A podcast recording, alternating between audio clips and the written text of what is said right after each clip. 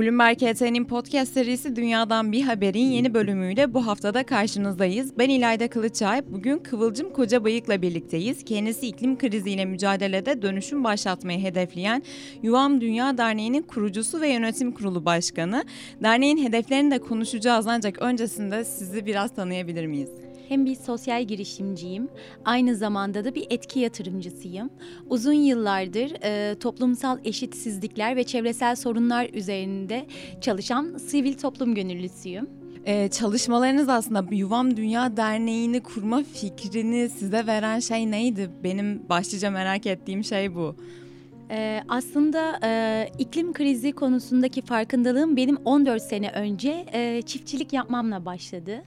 E, tarım alanına girdiğimde, tarım sektörüne girdiğimde e, uzun zamandır e, Anadolu coğrafyasının fark ettiği sorunları ben de fark eder oldum.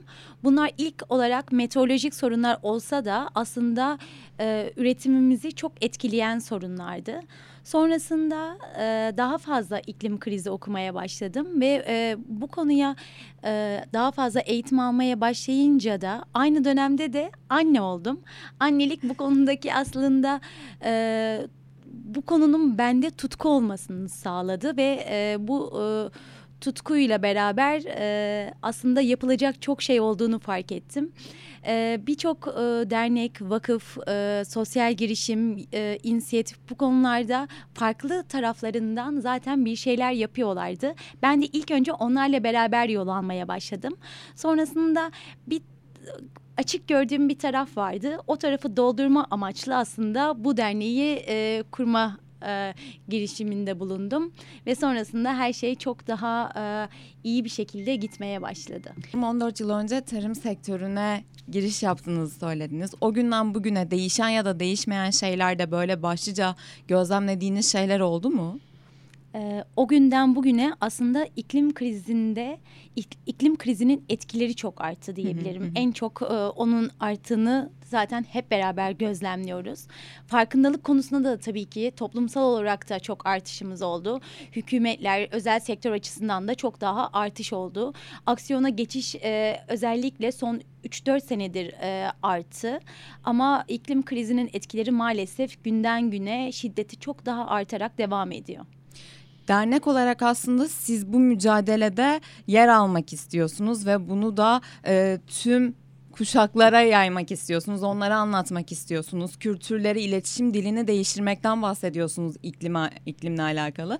Bunu birazcık açabilir misiniz? Bu kültürden, bu iletişim dilinden kastettiğiniz şey nedir aslında? E, iklim krizine baktığımızda aslında e, çok farklı e, konuları ilgilendiren, çok farklı disiplinleri ilgilendiren karmaşık bir e, yapı var burada ve çok da bilimsel e, jargon kullanılıyor. Bu yüzden de bunun topluma geçmediğini fark ettik.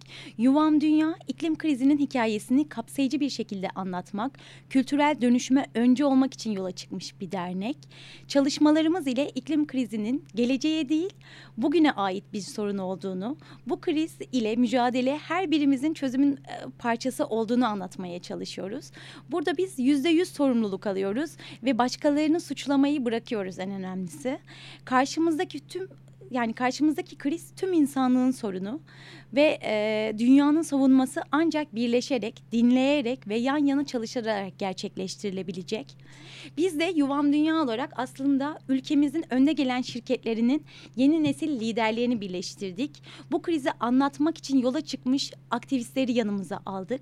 Sivil toplum gönüllülerini, Türkiye'deki bu konuda çok önemli çalışmalar yapan bilim insanlarını, çok önemli iletişimcileri çünkü iletişim en önemli konu bu tarafta. Yani o bilim insanların, o çok değerli bilim insanlarının görüşlerini en kolay dille topluma aktarabilmek için e, bizde iletişim iletişimcilerin önemi çok büyük ve sanatçılar. Bu amaç etrafında hep beraber buluştuk. Bu e, Yuvam Dünya kapsayıcı adımızı da yine kurucu üyelerimizden Nil Kara İbrahimgil koydu. Biz de e, dediğin dediğiniz gibi e, neslimizin hikayesini değiştirmek üzere yola çıktık. Bu krizle mücadelede etkin rol alacak nesil biliyoruz ki bizim neslimiz. E, biz bir şey yapamazsak bundan sonraki nesiller e, çok zorlanacaklar maalesef. Aynı zamanda gelecek nesilleri iklim krizinin nedenleri, etkileri hakkında bilgilendirmek, harekete geçmelerini sağlamanın önemi çok büyük. Ne tür bir yaşam istediğimizi seçmek bizim elimizde ve kolektif bilincimizi umut ve dünyaya dost deneyimler üzerine kurarak bu krizle mücadele edebiliriz diye başladık biz bu yolculuğa. Herkesin e, bahsettiği o Z kuşağı daha çok bu konularla alakalı ilgili diyebiliriz bir noktada. Ama sizin e, yönetim kurulunuzda da tüm bu yapınızın içerisinde her yaş grubundan bu konuyu gerçekten de e, zamanını ciddi şekilde ayıran insanlar yer alıyor. Tepkiler nasıl oluyor yani çevreden? Çünkü sizin e, bir sadece bulunduğumuz neslin de değil onun öncesine de bir mesaj vermeye çalışıyorsunuz. Bundan sonrasına da bir mesaj vermeye çalışıyorsunuz. Burada size karşınıza çıkan zorluklar neler oldu ya da tepkiler neler şu an çevreden gelen? Aslında e, çevreden gelen e, tepkiler genelde hep beraber olmak. Hı hı. Bizim çünkü kapsayıcılığımız en önemli e, misyonlarımızdan bir tanesi. Bu yüzden de e, tepkiden e, tepkiler e, genelde bizler de bu e, e, şeyin e, içinde olalım istiyoruz diyorlar ve hep beraber büyüyerek devam ediyoruz. Herkesle beraber olmak amacımız. Çünkü bu kriz de çok büyük bir iklim adaletsizliği yaratıyor ve kimseyi dışarıda bırakmamak, kimseyi bu iklim krizinin etkilerinde e, ar, ar, arkamızda bırakmamak hedefimiz. Bu yüzden e, mümkün olduğunca çok kişiyle büyüyerek devam etme isteğimiz var. Şimdi COP26'yı yerinde gözlemleyenlerdensiniz aslında. O yüzden oradaki gözlemlerinizi biraz aktarmanız mümkün mü? Çok da eleştiri de aldı bunu biz önceki iki bölümümüzde de konuştuk. Ee, siz orada neleri gözlemlediniz? Liderlerin açıklamalarından, katılımcıların yaklaşımlarından aslında iklim krizine yönelik çalışmaların her biri çok değerli. Bir taraftan ama en önemli şey bu e, çalışmaların devamlılığı bu mücadelede çok kritik. Hani taahhütler vermek e, tabii ki hani konuşmak kolay fakat artık e, aksiyon görmek istiyor birçok insan, bir birçok toplum.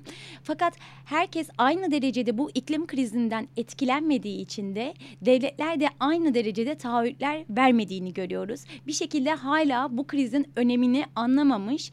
Birçok e, devletin olduğunu COP'ta da izledik. Çünkü eğer ki hepimiz aynı derecede bunun önemini fark etmiş olsaydık hepimiz e, sadece taahhüt vermekle kalmayıp arkasından yapacağımız planları çok net bir şekilde açıklayıp mümkün olduğunca erkene e, e, çekerdik ve bunu tam tersi herkesi bir arada yapmaya teşvik ederdik. Çünkü sen benle olacak bir e, çözüm değil iklim krizinin çözümü. Bütün dünya ancak bir araya geldiğinde özel özellikle de en önemli sera gazı üreticilerinin bir araya gelerek aksiyon aldığı halde ancak bu e, krizin etkileri azalabilecek. Şimdi yaşam tarzımızın yıkıcı sonuçları olduğunu gördükçe bunun bir kriz, bir harekete geçmenin elzem olduğunu anlıyoruz. Ben de söylediğiniz gibi 1-2 Kasım, 1-12 Kasım tarihlerinde gerçekleşen e, küresel iklim zirvesi COP26'ya katıldım ve gelişmeleri orada takip ettim. Dünyanın dört bir yanından gelen katı, e, katılımcılar vardı. İçeride müzakereler devam ederken dışarıda binlerce kişi taahhütlerin artık performans düzeyinde aksiyonlara dönüşmesi için pro protestolara devam ettiler. Aslında çok farklı bir ortam vardı. Çok da barışçıl bir ortam vardı protestolarda.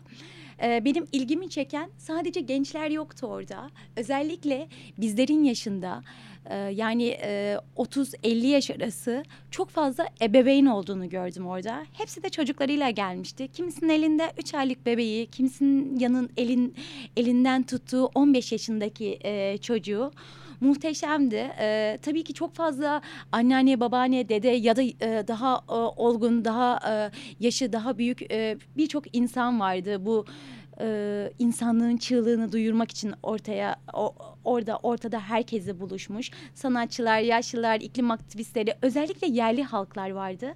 Yerli halkların e, bence sesini iyi duyurmak lazım. Çünkü onlar aslında iklim krizinin krizine etkisi en az olan ama aslında dünyayı biyoçeşitliliği en çok koruyan şu an mevcuta baktığımızda biyoçeşitliliğin yüzde seksenini hala onlar koruyorlar. Ve, ve bir yandan en çok etkilenen en de onlar. En çok da etkilenen ve evet ve seslerinin duyurulması, duyulması çok az olan, daha fazla seslerini duyurmaya ihtiyacı olan ve onların kadim bilgisiyle onları nasıl yani nasıl koruduklarını öğrenmemiz lazım.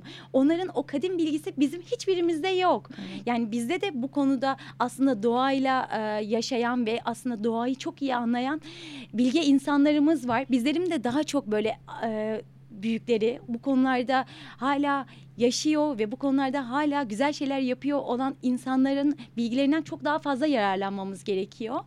Ee, ben yerli halkların e, mücadelesine çok önem veriyorum ve onları fırsat buldukça her yerde dinlemeye çalışıyorum. Ee, bir şekilde herkesin derdi aynıydı orada. Artık bu zirvelerden dünyaya yüklediğimiz ağır yükleri alacak sonuçlar elde etmek gerekiyor. Hepimizin derdi buydu açıkçası. Ee, bir yandan da iklim krizi tabii ki çok fazla e, girişimlere de entegre olmaya başladı. Hatta siz de bir sosyal, sosyal girişimcisiniz zaten. İklim krizi bu yüzden bir itici güç diyebilir miyiz? Çünkü sizi bu girişime iten de aslında bu dünyadaki maalesef olumsuz değişimdi bir yandan. E, sosyal girişimleri etkileyen e, bir gücün de iklim krizi olduğunu söyleyebilir miyiz? Tabii ki sosyal girişimler aslında ben bir taraftan da etki yatırımcılığı yaptığım için çok fazla sosyal yani hem kendi sosyal girişimlerim hem de başkalarının dünyanın dört bir yanından yapılan sosyal girişimleri takip ediyorum. Tabii ki mümkün olduğunca kendi daha çok bilgi e, şeyimde olanları takip ediyorum. Ama toplumsal sorunlara, e, çevresel sorunlara e, çözüm bulan e, girişimler... E, oldukça artıyor. Çünkü bunun e, artık bu sorunlar oldukça hayatlarımızı etkiliyor durumdalar. İklim krizi de bunların başında geliyor ve iklim krizi aynı zamanda çok fazla fırsatı, ekonomik fırsatı da e, yol açıyor. Yani burada e, sadece kriz, etkiler, bu kadar kötü şeyler e, diyerek geçmemeliyiz. Burada çok büyük bir fırsat da var. Burada yeşil dönüşümde, burada e, toplumsal eşitsizliklerde, eğitim eşitsizliğinde, kadının daha yükselmesi, kadının güçlenmesi konusunda bunların hepsi iklim kriziyle de ilgili. Bu konularda birçok fırsat var. Biraz bu fırsatları araştırmak, biraz bu fırsatları incelemek ve bizim amacımız da aslında Yuvam Dünya'nın e, misyonlarından bir tanesi de bu fırsatları gençlerin, çocukların, şimdiden çocukların ve e, aslında herkesin önüne bu fırsatları çıkartabilmek, bunları göstermek. Çünkü bu fırsatlar dünyanın iyileşmesi için de fırsatlar. Aynı zamanda e, dünyanın bulunduğu bu ses, sosyoekonomik problemlerle başa çıkarken de e, karşımıza e, güçlendirecek e, fırsatlar, bizleri güçlendirecek fırsatlar, her yönden güçlendirecek fırsatlar. O yüzden bunları iyi biliyor olmamız lazım. Bunları bilmek için de ilk önce sorunu öğrenmemiz lazım. Sorunu öğrenmeden fırsatı görmek çok zor. Görsek bile hani e, çözümüne yönelik az hareket edebiliriz. Fakat sorunu iyi öğrenirsek e, bu konuda e, çok güzel çözümler üretebileceğimizi düşünüyorum e, Yuvam Dünya olarak da bunu misyon haline getirdik. Mesela önemli projelerimizden bir tanesi Milli Eğitim Bakanlığı ile gerçekleştirdiğimiz iklim krizini e, tüm Türkiye'deki tüm okulların, devlet okullarının, özel okulların, tüm okulların müfredatına sokmak üzere çok önemli bir çalışma yapıyoruz. Talim Terbiye e, Kurulu'yla beraber. E, eğer ki 2002-2023 yılında müfredata bu e, iklim krizi girerse anaokulu ve ilkokullarda 16 saatlik bir kazanım ve ortaokulda bir seçmeli iklim değişikliği dersi, çevre ve iklim değişikliği dersi eklenmiş olacak. Bu, bu ne demek? Bu çocuklarımızın şimdiden bu krizin etkilerine karşı güçlenmesi demek. Çocuklarımızın bu fırsatları görerek büyümesi demek. Çocuklarımızın örneğin ailesi tarım işindeyse aslında... E, ne gibi değişiklikler yapabileceğini, ne gibi eylem planları yapabileceğini, ne gibi yeni e, fikirler üretebileceğini düşünebiliyor, geliştirebiliyor olması demek. E, bunu çok önemsiyoruz ve bu e, kazanımların, bu derslerin müfredata girmesi için çok önemli bir çaba gösteriyoruz. E, Milli Eğitim Bakanlığı da aynı şekilde onlarla koordineli ve hevesli bir şekilde bu konuda çalışıyoruz.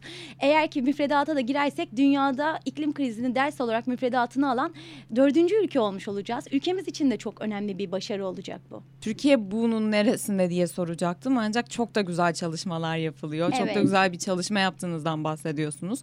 Genel olarak bakacak olursanız COP26 yayından geri döneceğim. Çünkü orada da farklı ülkeleri ve onların çalışmalarını yakından gözlemleme şansı buldunuz. Türkiye bu noktada nerede duruyor? Ee, Türkiye biliyorsunuz Paris Anlaşması'nı e, son iki ayda imzaladı. Fakat bu bizim için çok önemli bir e, anlaşma. E, çünkü bizim zaten anlaşmayı imzalamama sebebimiz daha farklı nedenlerden dolayıydı. Türkiye hiçbir zaman iklim inkarcısı olan bir devlet olmadı, bir ülke olmadı. Bu yönden şanslıyız. Mümkün olduğunca iyi eylem planları yaparsak, mümkün olduğunca çok kişiyi dinleyerek, bunu çok kişiyi katarak sivil inisiyatifleri, özel sektörü, hükümeti herkesi çok iyi bir şekilde koordine edebilirsek bence Türkiye bu konuda çok hızlı adım atabilecek ülkelerden bir tanesi. E, gelişmekte olan ülke olmasına rağmen hani e, hızlı ilerleyebilecek ülkelerden bir tanesi. Önemli çalışmalar yapılıyor ülkemizde. E, Umarım daha da hızlanarak e, net bir şekilde sürdürülebilir şekilde e, devam ederiz bu çalışmalarımıza siz genç aktivistlerle birlikte birebir çalışma fırsatı Tabii. buluyorsunuz. Yani benim aslında onların da kafasındaki düşünceleri çok merak ediyorum. Yani e, çok fazla yaş farkı yok aramızda ancak gerçekten de hedefleri doğrultusunda bunu çok önemli bir problem olarak hayatlarına entegre etmiş durumdalar ve bunlara yönelik çalışmalar, bunlara yönelik e, düşüncelerini savunuyorlar. Onlar ne diyor size? Ee, on, onların sesi çok önemli. Burada gençlerin sesi çok önemli. Gelecek e, bizlerin olduğu gibi on, onların gelecekte çok daha büyük bir e, payı var ve onlar hem kendileri hem de onlardan sonra gelecekler için e, çalışıyorlar. O yüzden onları çok iyi dinlemek gerekiyor. Tabii farkında olan gençler bu konuda çok net ve çok da idealist.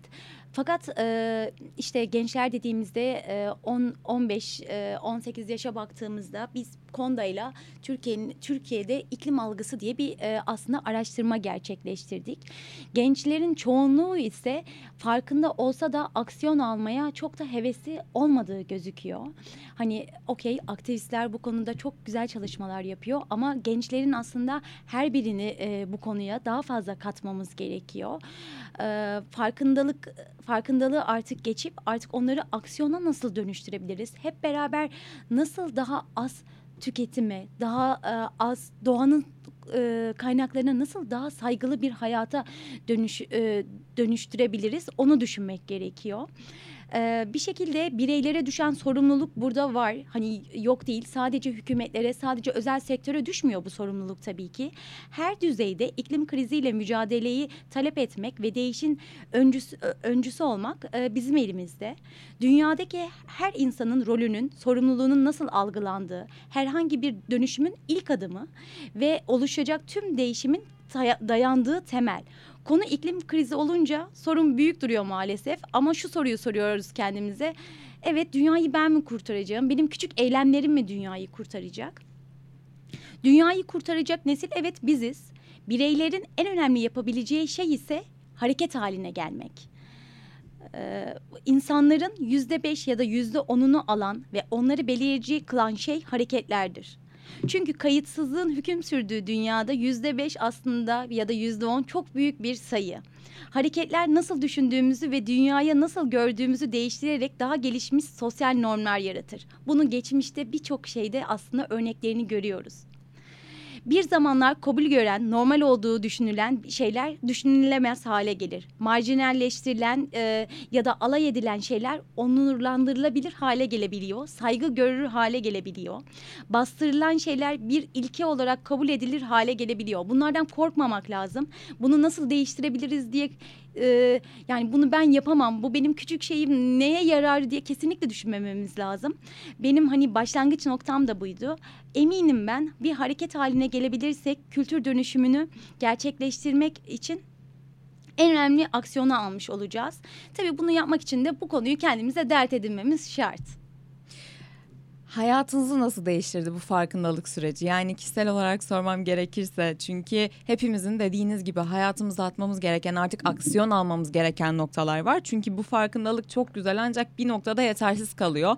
Bizi bu iklim değişimini e, engelleme yönünde. Aslında iklim değişimini engelleme demeyeyim çünkü raporlarda bunun maalesef mümkün olmadığını söyledi. Evet. Bu yüzden e, iklim Azaltma. değişimine uyum. E, Doğanay Hoca söylemişti bir önceki bölümde. İklim değişimiyle nasıl uyum uyumlu hale gelebiliriz de e, konuşmuştuk onunla da. O yüzden burada da siz bunu nasıl yapmaya çalışıyorsunuz? İklim kriziyle mücadelede dediğiniz gibi iki tane önemli adım var. Bir tanesi iklim krizinin etkilerini azaltma, bu işte emisyonları azaltma tarafı. Bir tanesi de uyum tarafı. Her ikisi de paralelde gerçekleştirmemiz gereken aksiyonlar. Peki bireyler olarak ne yapabiliriz? Bireyler olarak bir kere hiçbir zaman bence ilk mükemmeli hedeflemememiz lazım. Çünkü o bizi her şeyden daha uzaklaştırıyor. Çünkü o mükemmel o kadar uzak ki ve hiçbirimiz mükemmel değiliz. Ama her birimizin hayatta yaptığı mutlaka daha çok yaptığı şeyler var. Bunu mesela karbon ayak izimizi ölçerek ilk başlayabiliriz. Çünkü rakamlarla görmek farkındalığımızı en çok artıran şeylerden bir tanesi olduğunu düşünüyorum. Ee, ben de e, karbon ayak izimi hesapladığımda hiç beklemediğim, ben ne kadar uyumlu yaşıyorum derken hiç beklemediğim ve ne kadar yüksek olduğunu gördüğüm alanlar oldu. Ee, o yüzden değiştirebileceğimiz herkesin kendi yapısına göre, örneğin kimisi çok seyahat ediyordur. Bu seyahatlerimi nasıl daha e, az karbonlu hale getirebilirim? Nasıl bu seyahatleri daha ihtiyacım olmayanları nasıl hayatımdan çıkarabilirim diye düşünebilirsiniz. Kimimiz sadece etle besleniyoruzdur. Ee, bu hayatı daha nasıl e, sağlıklı hem de kendim için de daha sağlıklı hale nasıl getirebilirim? Etsiz pazartesi Aynen nasıl akımı. işte daha az e, et tüketebilirim? Nasıl daha fazla lokal beslenebilirim? Nasıl daha fazla paketsiz beslenebilirim? Gibi şeyler. Ama benim hayatımda e, en çok takık olduğum çok küçük yaşlardan beri belki ailemden getirdiğim konu israf. İsraf benim her zaman hassas olduğum konuydu. Bu yüzden tüketime karşı her zaman uza, uzaktım. Her türlü tüketime karşı daha uzak bir hayat yaşıyordum. Bunu daha çok hayatımdaki insanlara katmaya çalıştım. Ee, hala çalışıyorum. Ee, ama bu israf bir kıyafet de olabilir. Bu israf e, işte enerjinin boşa kullanılması da olabilir. Birçok konuda aslında çok hunharca harcıyoruz. Doğal kaynakları çok fazla tüketiyoruz. Her aldığımız şey için hani buna ihtiyacım var mı sorabilmek çok önemli. Bunu çocuklarımıza şimdiden öğretebilmek. Hani bir şey isterken e, kızım kendi kendine sor bunu. Hani benim buna ihtiyacım var mı? Sonrasında ba, ba, bana ben ona sormayayım. Yani kızımın kendi kendine bunu sormasını yaratmaya çalışıyorum hayatında. Çünkü annem babam bana bunu yaratabilmişti ve bunu ben her e, hayatımın her kademesinde iyiliğini gördüm. E doğada yaşamak, doğada yaşamak aslında bizleri e, bu maddi şeylerin sırtımızda ne kadar çok yük getirdiğini anlıyoruz doğada yaşadıkça. Daha çok sadeleşmeye ihtiyacımız olduğunu, aslında ihtiyacımız olan şeyin sade, e, daha e, en fazla şey olan bilgi yani bilgiye ihtiyaç duymak. Hani maddi şeylere değil, maddi şeylerin bize itibar getirmesinden uzaklaşmamız gerekiyor. İtibarın bununla gelmeyeceğini iyi anlamak gerekiyor. E, tabii bireysel olarak bu konuyu öğrenip öğrendiklerimizi başkalarına yaymak çok önemli bir şey. Ve e, talep etmek en önemlisi. Bireysel olarak yapacağımız şey hükümetten talep etmek, özel şirketlerden talep etmek, daha sürdürülebilir ürünleri talep etmek belki. Belki daha iyi yasaları, belki çok daha iyi eylem planlarını ta talep etmek bunlar çok önemli. Benim hayatımda da en önemli guide olan sözlerden bir tanesi de e, Tema Vakfı'nın e, kurucusu Sayın merhum Hayrettin Bey'in sözü olanın olmayana, bilenin bilmeyene borcu var bu dünyada. Bu söz beni çok etki hep etkiledi. Hayrettin Bey ile çok uzun yıllar çalışma fırsatı buldum.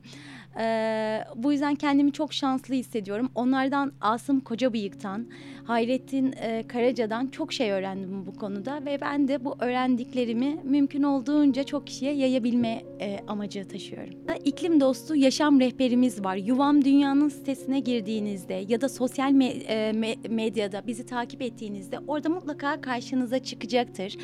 Böyle hayatımıza en kolay neleri alabiliriz, neleri değiştirebiliriz ama her alanda mutfaktan tutun bahçenize, seyahatlerinizden tutun iş hayatınıza her yerde yapabileceğiniz harika bir rehber oluşturduk. Ona da göz atmanızı e, tavsiye ederim. Dinleyicilerimiz de mutlaka faydalanacaktır Kıvılcım Hanım. Çok teşekkürler. Bir podcast bölümümüzün daha sonuna geldik. Önümüzdeki hafta görüşmek üzere. Hoşçakalın.